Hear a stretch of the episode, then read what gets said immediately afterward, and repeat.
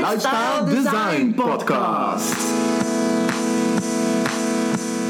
Eén leven, duizend manieren om er meer uit te halen. Een podcast om je leven bij af te likken. Als we aan design denken, denken we aan auto's, productverpakkingen of websites. Maar zou het niet een goed idee zijn om je eigen leven te designen?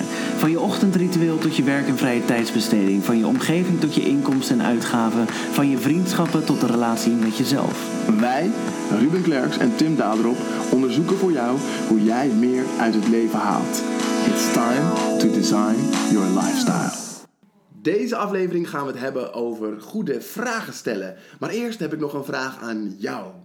Heb je je al geabonneerd op onze podcast via jouw favoriete kanaal? Het kan via Spotify, iTunes, Soundcloud of Stitcher. Eh, heb je dat al gedaan? Dan blijf je in ieder geval automatisch op de hoogte van de volgende aflevering. Maar nu gaan we het dus hebben over het stellen van goede vragen en hoe dat je kan helpen een beter leven te leiden. Oh, cool. Wie heb je Waar hebben jullie het over gehad? Wat heb je eruit gehaald? Vind jij het lastig om goede vragen te stellen? Is vragen stellen lastig? Zijn er mensen die vragen stellen lastig vinden? Kun je dan leren om betere vragen te stellen? Hoe pak je dat aan? Stel ik te veel vragen? Ehm, ik weet even niks meer te zeggen. Jij kunt in ieder geval heel veel vragen stellen. Maar de vraag is of deze vragen het gesprek verrijken en je meer brengen dan je al wist. Ja, daar zeg je wat. Zal ik een andere vraag stellen? Zou je dat leuk vinden? Denk je dat ik al een betere vraag voor je heb bedacht? Nee, kidding. Oké, mijn betere vraag aan jou. Wat is jouw grootste ergernis als het om vragen gaat? Mm, ik vind het altijd zo hinderlijk als iemand een vraag stelt en niet wacht op het antwoord. Dan denk ik, wil je het wel echt weten? En wat is jouw grootste vraag ergernis? Ja, ik voel altijd wel ergernis opkomen als iemand binnen een heel interessant onderwerp een hele afgezaagde vraag stelt. Dus stel, jij hebt het over de kosmos, over de melkweg, over zwarte gaten en de expansie van het heelal. En ik vraag dan, geloof jij in sterrenbeelden? Met zo'n vraag kun je je gesprek degraderen tot niveau RTL Boulevard, no offense, of eigenlijk wel. Maar vertel, in het kader van vragen, hoe ben je op dit onderwerp gekomen? Ja, ik was eigenlijk vooral benieuwd of je kunt leren om betere vragen te stellen. En daarom ging ik op zoek naar de beste tips om betere vragen te stellen. En dan is het echt opvallend om te zien hoeveel lijstjes met goede vragen er te vinden zijn. Sterker nog, ik bleek zelfs een kaartenset in mijn kast te hebben staan met vragen voor een goed gesprek. Oh, tof. Maar ja, dan moet je zo'n kaartenset uit je hoofd leren. Of je moet hem uit je broekzak toveren op het moment dat je een gesprek hebt met iemand en je even geen goede vraag weet. Lijkt me ook wel ongemakkelijk. Zijn er geen technieken die je kunt aanleren en die je dan on the spot kunt toepassen? Dat was precies waar ik ook naar op zoek was. En ehm, ja, daarom heb ik Elke Wis, de denkdokter, geïnterviewd. Luister maar wat zij ons te vertellen heeft over het leren van goede vragen stellen. Elke Wis is denkdokter en eigenaar van de Denksmederij, bureau voor praktische filosofie en creatief denken. Elke gelooft dat de wereld van nu vraagt om kritische en creatieve denkers. Mensen die naast het bestaande spoor denken, bereid zijn tot onderzoeken, experimenteren en vragen stellen. En over het stellen van goede vragen gaan we het vandaag met elkaar hebben. Welkom Elke. Ja, dankjewel. Waarom is het stellen van vragen zo belangrijk? Een vraag is wat mij betreft ehm, een uitnodiging om dichterbij te komen bij de ander. En volgens mij, als we ergens behoefte aan hebben als mens, dan is dat uh, verbinding. Dus voor mij is een vraag eigenlijk een, een, een middel tot verbinding. Ja. En, en heb jij voorbeelden van uh, momenten waarop die verbinding tot stand kwam door zo'n vraag? Uh, ja, zeker. Um, heel vaak op het moment, dat, dat ken je misschien zelf ook wel, dat je met iemand in gesprek bent en dat je een vraag voor je kiezen krijgt en dat je denkt, jeetje, wat een goede vraag. En op het moment dat iemand dat uitspreekt, dan voel je de energie veranderen. En ik vind het altijd heel mooi om, om naar mensen hun gezicht te kijken, want er gebeurt iets. En wat er volgens mij gebeurt, is dat door jouw vraag um, de ander in zijn denken een zwieper krijgt waardoor er ook ruimte ontstaat voor nieuwe inzichten. Bestaan er eigenlijk slechte vragen? Oeh, dat is een heel goede vraag. Ik, yes. ik dacht daar laatst nog, ja. Chaka, je hebt um, Ik denk dat, er, dat we heel goed zijn in het stellen van belabberde vragen. En dat zegt niets over de intentie achter die vraag. Daar, ik, ik geloof er op, op zich wel in dat we allemaal een goede intentie hebben. Alleen dan nog kunnen we met die goede intenties uh, echt prutsvragen creëren. En er was wel iemand die haakte daar ook op in en die had een hele mooie vergelijking. Uh, die zei van ja, je hebt zoiets als boeken. Er zijn misschien in essentie geen slechte boeken, maar een boek is slecht geschreven of goed geschreven. En misschien is het dat ook met vragen. Uh, wat zijn dan kenmerken van een goede vraag? Dat is ook zo'n zo'n lastig ding, omdat ik, er is niet een lijstje met vragen die altijd zullen werken. Nee, want als, als dat er was, dan waren we er allemaal wel goed in. Maar dat is dus niet. Dat, dat is overigens wel. Hè? Ik heb natuurlijk een beetje vooronderzoek gedaan uh, naar, naar dit onderwerp. Wat je overal tegenkomt. 100 vragen die je kan stellen voor een goed verdiepend gesprek. Uh, eh, 50 vragen om je relatie te verbeteren.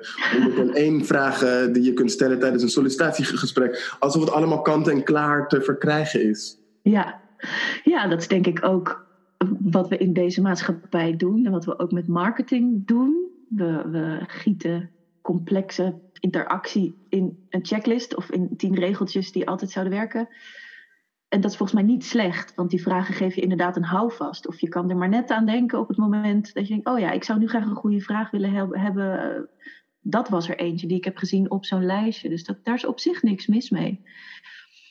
Alleen ik denk dat er nog een stap voor zit. Dat je moet werken aan uh, wat ik noem de Socratische houding. Dat is een vragende, nieuwsgierige houding. En dat is volgens mij het kenmerk van een goede vraag. Dat die één geboren is uit nieuwsgierigheid en oprecht niet weten wat het antwoord zal zijn van de ander. Um, en twee, een vraag die altijd over de ander gaat en dicht bij de ander blijft. En niet per ongeluk over mij gaat. En dat risico loop je wel als je gaat zitten helpen of een suggestie doet. Of nou ja, al die andere vraagfouten waar we wel eens uh, landen, zeg maar. Mooi. Um, vragende nieuwsgierigheid. En dat we, dat we dat moeten leren. Hoe zouden we dat kunnen leren? Vragende nieuwsgierigheid? Um, ik, het eerste wat nu bij me opkomt is dat, je, dat we dat in principe hebben als je kijkt naar kinderen, die zijn natuurlijk ontzettend goed in het stellen van waarom. Waarom is de aarde rond? Waarom gaat een zon achter de wolk en niet andersom? Um, dus die oprechte verwondering en nieuwsgierigheid, die heb je als kind wel. Ik denk alleen dat ons onderwijs iets te goed is om dat eruit te trainen. Dus dat betekent als je geen kind meer bent, zul je het moeten ontwikkelen door het er weer in te trainen. En dat begint volgens mij bij je eerst eens heel erg bewust worden van wat je allemaal denkt. Welke oordelen er in je opploppen. Hoe erg je eigenlijk met jezelf bezig bent de hele tijd, ook in gesprekken. Ehm, en dat is vaak heel, heel vaak en heel veel. En als je dat bewust bent, dan wil je eigenlijk zoeken naar de oprechte nieuwsgierigheid van wat bedoel je precies? En hoe is dat voor jou? En dat begint met dat je loslaat dat je denkt te weten wat de ander vindt, denkt, voelt of ervaren heeft. Is dat enigszins een helder uh, ja, ja, zeker. antwoord op je vraag? En um, ik, ik, ik hoorde je ook zeggen dat we, dat, als, dat we die vragende nieuwsgierigheid als kinderen eigenlijk al hebben, maar dat het op school eruit wordt gewerkt. Maar wat zouden wij als uh, bijvoorbeeld als, als, als ouder of als leraar aan de kinderen om ons heen mee moeten geven als het gaat om vragen stellen? Nou, wat, wat mij betreft is als eerste is dat we uh, kinderen gaan niet gaan vertellen wat ze moeten denken, maar dat we ze helpen hoe ze kunnen denken. Zodat ze van daaruit het wat zelf autonoom kunnen beslissen en kiezen. En dat begint ermee dat je, dat je jezelf moet realiseren dat je niks weet. En ook al gaat het om je, om je kind, je vlees en bloed, of je, de, de kinderen die je lesgeeft in de klas, dat je autonomie voorop stelt en niet je eigen opvattingen en overtuigingen en, uh, en mensbeeld. En dat zou dan zomaar eens kunnen betekenen dat als jij religieus bent en iedere zondag naar de kerk gaat, dat je kind vanuit zijn, autonome, eh, vanuit zijn autonomie in denken, dat hij tot een andere conclusie komt. Hij heeft iets heel anders.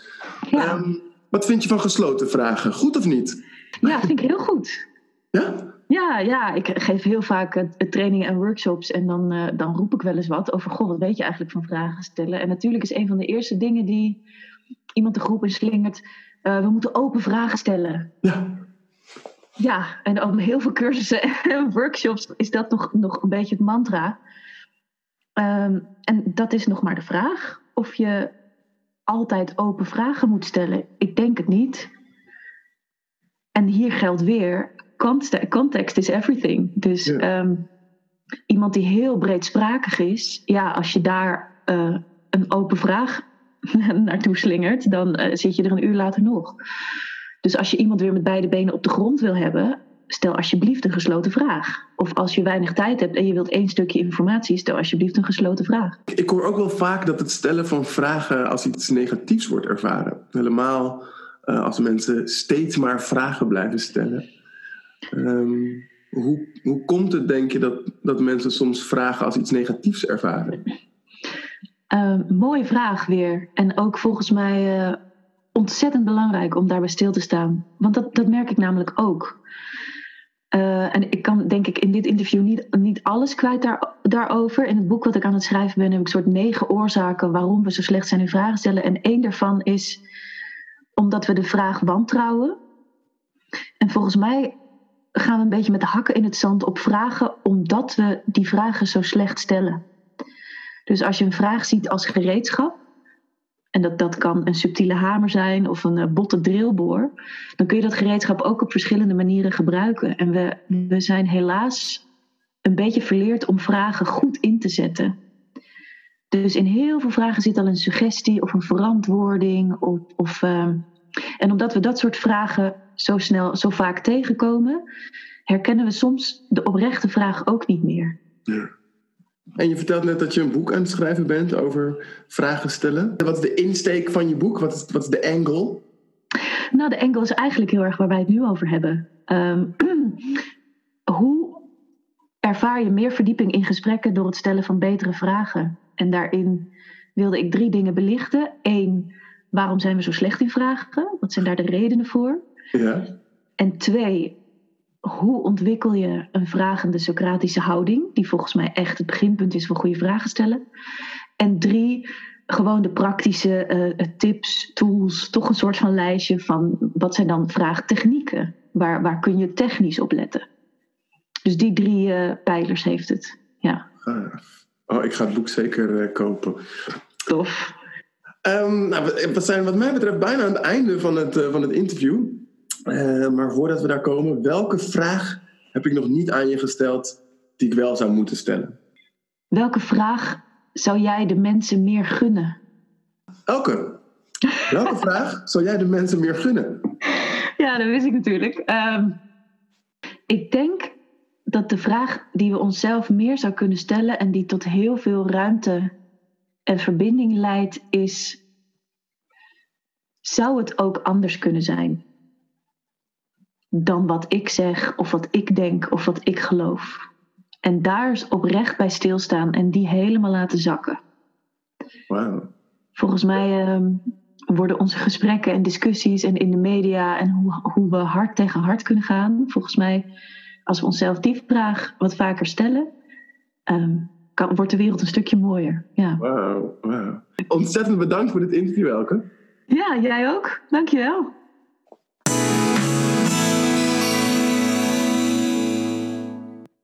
Nice, ja.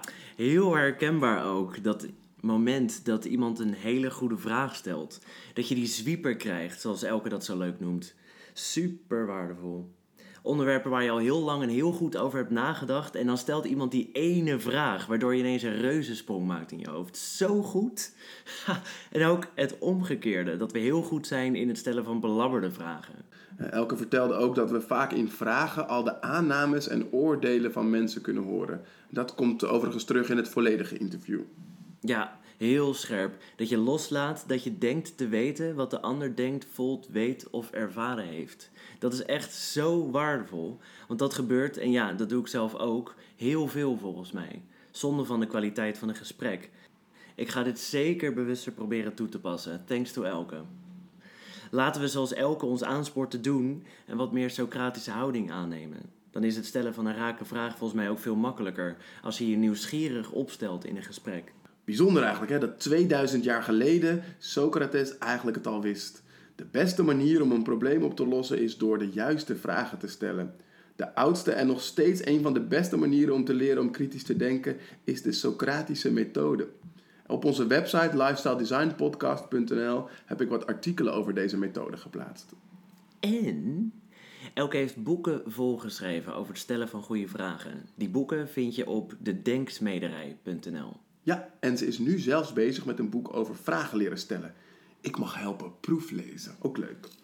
Als onze luisteraars nou nog eh, goede vragen aan ons hebben, wat kunnen ze dan doen? Nou, dan kunnen ze naar onze website lifestyledesignpodcast.nl surfen en die vraag daar stellen. Ja, en op de site vind je bij dit item over vragen stellen ook nog meer achtergrondinformatie. Zo hebben we de beste vragen voor een goed gesprek verzameld. Meer info dus over de Socratische houding en 36 vragen die je kunt stellen waardoor mannen verliefd op je worden. Ik ga gelijk kijken. Ik heb ook nog een vraag aan jou als luisteraar. Wil je ons en anderen laten weten wat je van de Lifestyle Design podcast vindt? Hoe meer mensen met ons meeluisteren, hoe leuker. Zou je ons willen aanraden? En als je geen vraag hebt, maar een tip, dan is die ook welkom. Laat die ook zeker achter op onze site. Oh, wacht, ik zit nog in de vragenmodus. Laat je tips achter op lifestyledesignpodcast.nl. Volgende week gaan we het hebben over de digital nomad lifestyle. En dan vooral over hoe het is om dat als liefdesstijl te doen, dus samen met je partner. Ja, dan spreek ik met Emiel van Dongen. Hij is dus digital nomad. Daar heb je er tegenwoordig wel meer van. Maar het bijzondere aan Emiel is, is dat hij dat samen met zijn vriendin doet. Ze reizen en werken samen de hele wereld over. Nou, hoe pak je zoiets aan? Wat betekent dat voor je relatie? En wat als je besluit samen een kind te willen? Dat dus volgende week met Emiel. Nice, nu al zin in.